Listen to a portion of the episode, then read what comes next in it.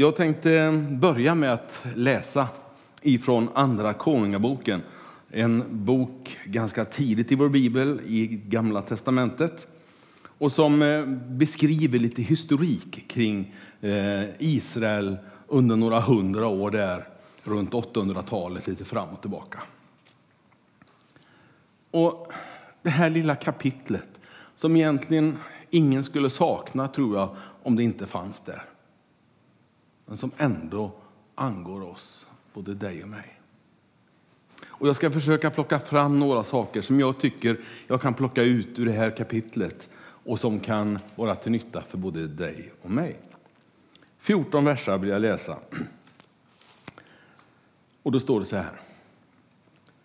Naman, den arameiske konungens högste befälhavare, hade stort anseende hos sin herre han var mycket aktad eftersom Herren genom honom gett seger åt Aram.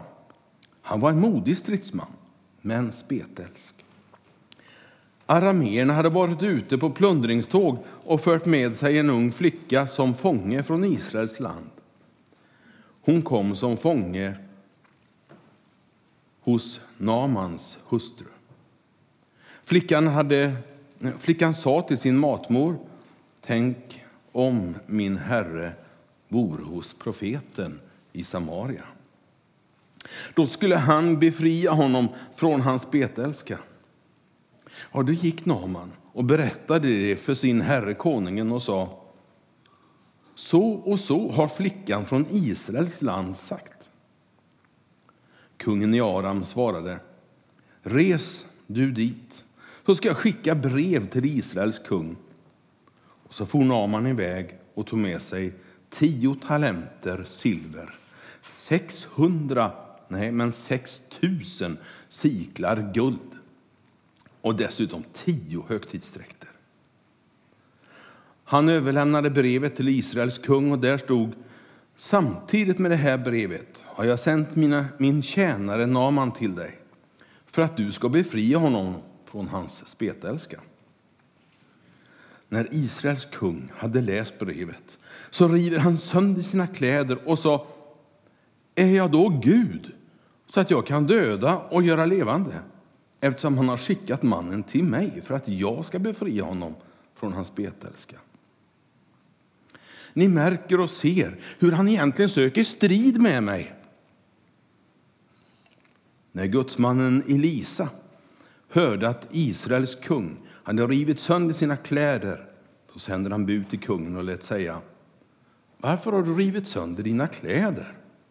Låt honom komma till mig, så ska han förstå att det finns en profet i Israel. Och så kom Naman med sina hästar och vagnar och stannade vid dörren till Lisas hus. Då sände Lisa ut ett bud till honom och lät säga Gå iväg och tvätta dig sju gånger i Jordan så ska ditt kött bli friskt igen och du ska bli ren. Men Naman blev red, for sin väg och sa jag trodde att han skulle gå ut till mig och träda fram och åkalla Herren, sin Guds namn och lyfta sin hand över stället och så ta bort spetälskan. Är inte Damaskus floder och Abana och Parpar bättre än Israels alla vatten? Kunde jag inte lika gärna tvätta mig i dem för att bli ren? Så vände han om och for sin väg i vrede. Men hans tjänare gick fram och talade med honom och sa Min fader, om profeten hade begärt något svårt av dig, skulle du då inte ha gjort det? Hur mycket mer nu, när han har sagt till dig att gå och tvätta dig, så blir du ren? Då for Naman ner och doppade sig i Jordan sju gånger, så som gudsmannen hade sagt, och hans kött blev friskt igen, som en ung pojkes kött, och han blev ren. Du, vilken berättelse! Det skulle ju hålla för ett filmmanus i princip. Eh, för det är så mycket som händer lite grann bakom orden, eh, runt omkring. Vi kan ana nästan eh, krigshot vi kan ana hur kungar och makthavare stöter ihop och nästan blir osams. Vi kan ana hur eh, en liten människa får en enorm betydelse. Det här är häftigt att läsa. Naman han lever i Syrien ungefär 800-850 år före Jesu födelse. Så det här är väldigt länge sedan. Och vilken annan överbefälhavare som helst hade blivit bortglömd. Men den här överbefälhavaren, han gör efter lite övertygelse det Gud vill att han ska göra. Så får han en plats i historiken. Och han som sist läste det lever fortfarande faktiskt. Hur länge sedan det än är så verkar det som att till och med Jesus tar upp berättelsen och ger den sin autenticitet, sitt erkännande. I Lukas 4 och 27 där finns det en liten vers som just visar på hur Jesus kunde sitt, sin bibel, det vi kallar för det gamla testamentet. Och så säger han så här. Och det fanns många spetälska i Israel, säger Jesus, på profeten Elisas tid. Men ingen av dem blev renad, utan bara Syrien, Naman. Jesus liksom säger att ja, den här berättelsen den är sann. Den, den, tror jag på. Och om Jesus säger det, då kan det ju inte vara det här kapitlet som man ska ta bort först när man tar bort någonting ur Bibeln. Förresten, hoppa över den delen, gör inte det. Det blir så jobbigt med vilken del du ska ta bort. Och jag tror Bibeln gör sig bäst i sin helhet. Han var överbefälhavare, läste vi. Han var en god soldat. Han var modig. Det står om honom att han var gift och att eh, han fick en ung flicka som slav att tjäna hemma hos hans hustru i hushållet.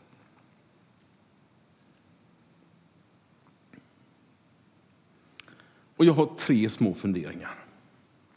Det första är vers 3 i kapitlet jag läste. Flickan säger till sin, sin matmor, Namans fru, tänk om.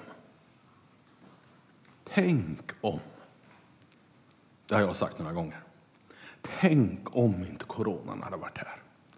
Tänk om jag inte hade varit sjuk. Tänk om jag inte hade fått en bucklig bil. Tänk om huset hade funkat i alla... Du vet, man kan ha så mycket tänk om. Och Det finns också här, på den här tiden. Tänk om.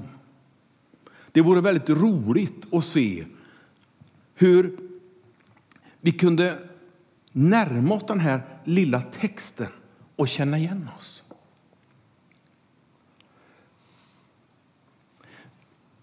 Tänk om du ändå hade fått vara i Israel.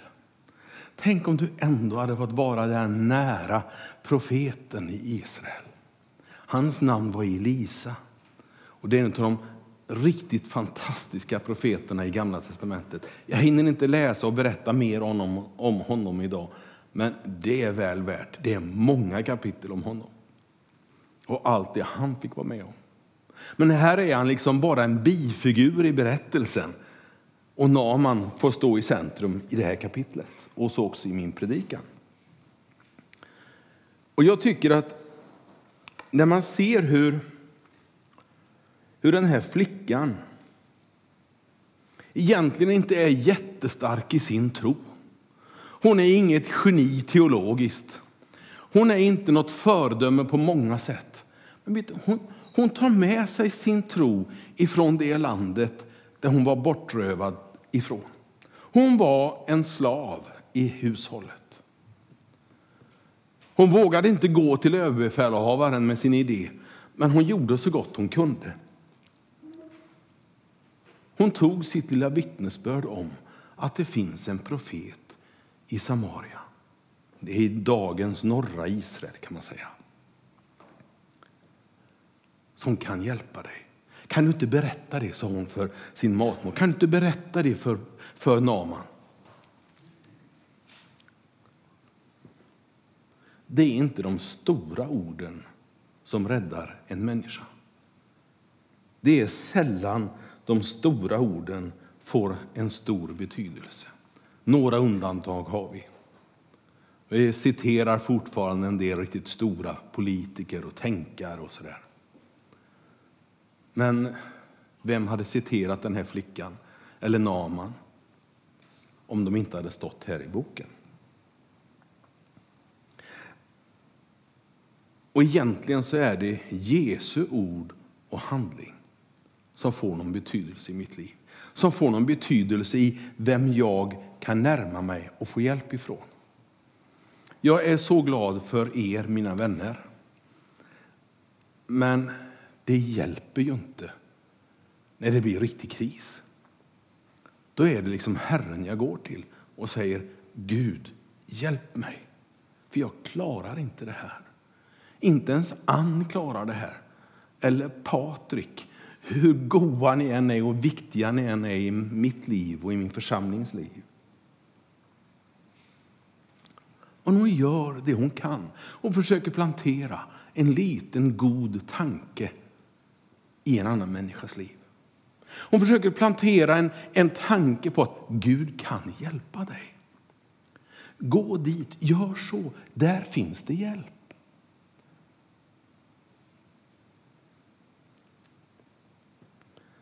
Jag har också funderat lite grann på det där med tänk om. Hur kunde Gud ge segern till en av Israels fiender? För det är precis som det står i texten. Syrien var då, liksom nu, Israels fiende. Och det står att Gud hade gett fienden segern.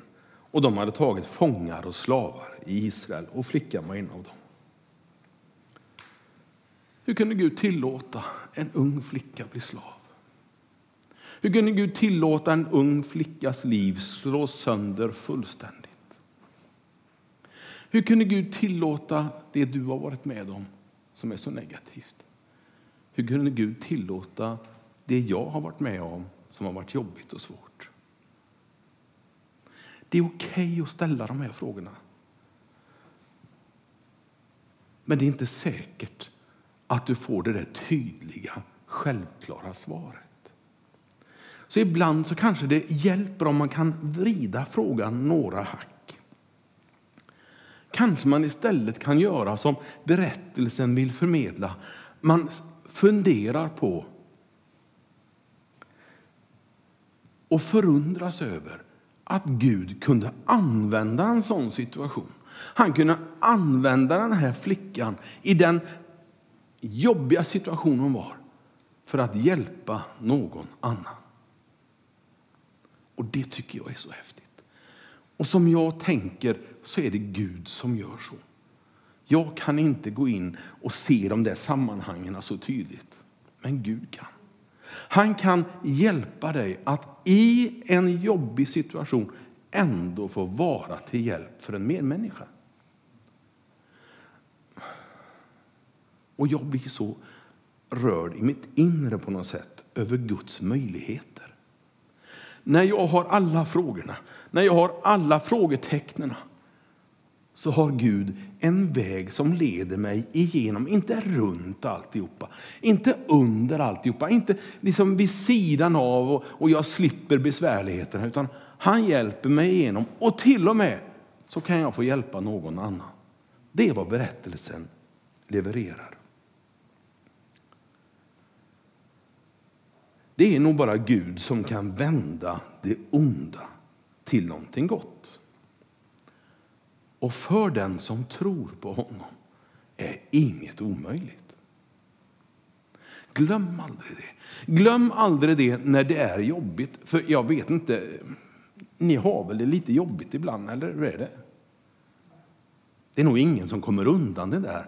Sen så tycker vi alltid att det är någon annan som har det sämre. Eller en del säger att det är ingen som har det som jag, säger de. Jag har det värst av alla. Och det, alla de här grejerna, det är okej okay med det, att tänka så.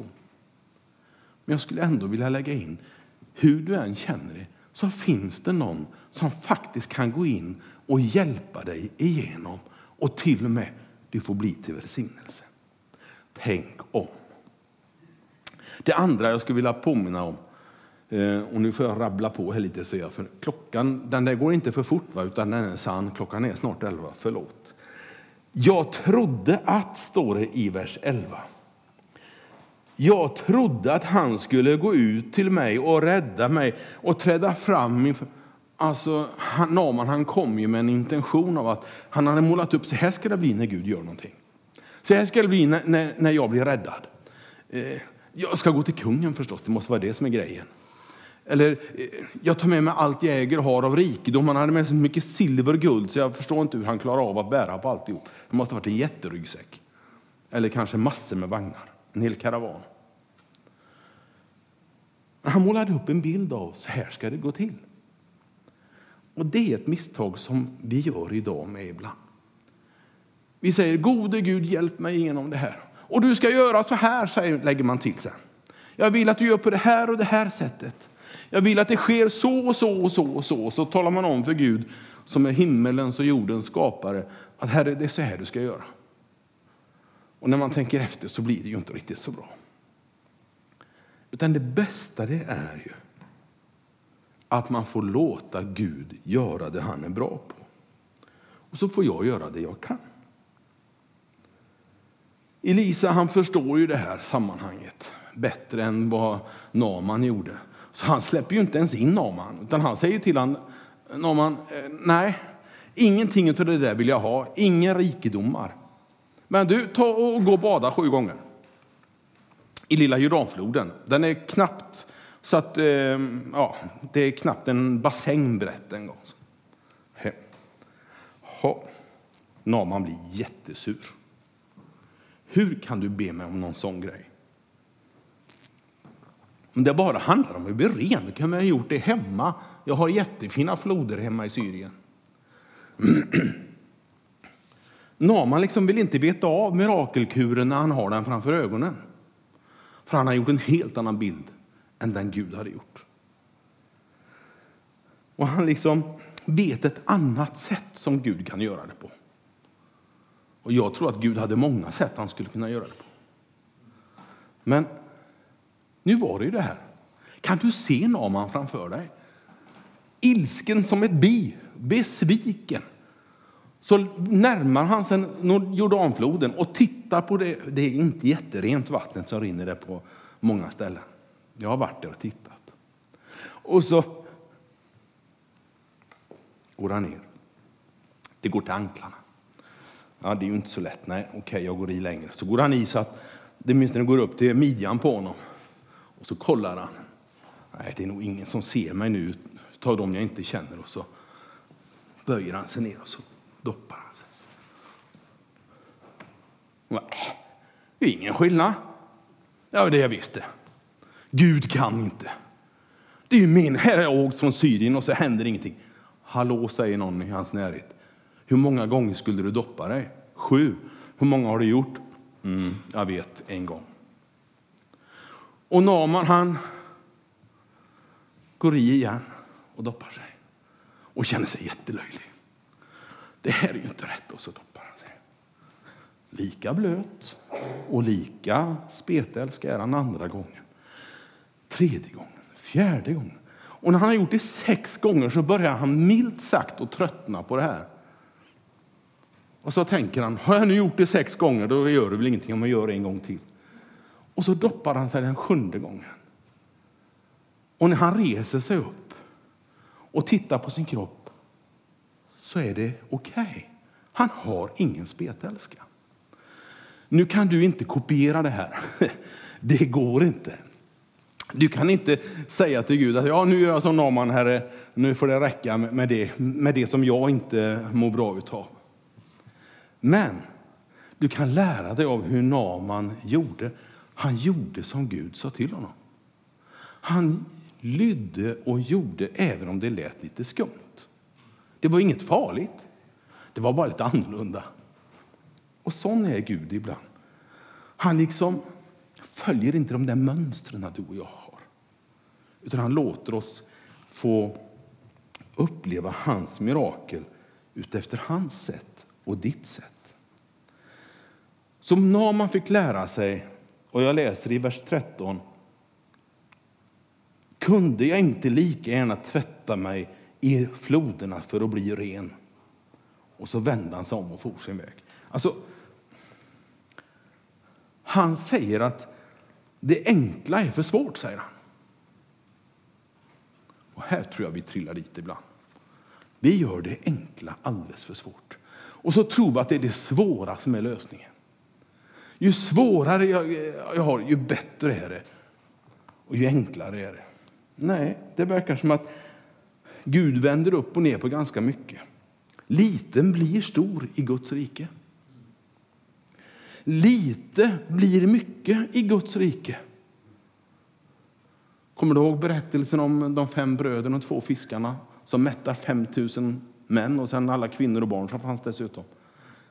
Lite blir mycket. Det svåra blir enkelt. Och det enkla, självklara, kan nog faktiskt bli väldigt svårt. Att bli en kristen är enkelt, men det kan verka svårt. Om det var så att du var tvungen att doppa dig sju gånger för att bli en kristen, eh, mm, hur många skulle göra det då? Jag kan glädja dig med att det räcker med en gång. Det räcker med ett dop. När du blir troende, när du börjar tro på Jesus Kristus, så undervisar Nya testamentet mig gång på gång att någonting liknande som vi har där, det behöver inte se exakt ut som det, en dopgrav. Att döpa sig och följa Jesus, det är vägen. Även om det verkar lite knepigt, så är det vägen. Och det är min rekommendation.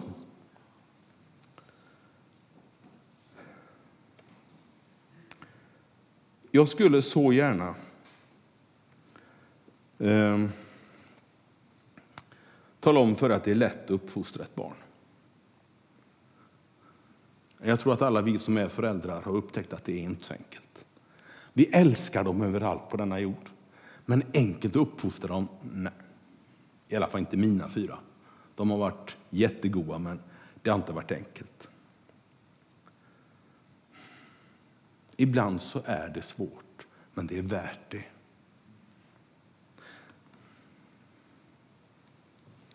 Att våga tro på Jesus, att våga se det enkla i tron kan vara nyckeln till framgång i tron. kan vara nyckeln till att få tag om tron. kan vara nyckeln till att tron börjar leva i ditt hjärta och i ditt inre.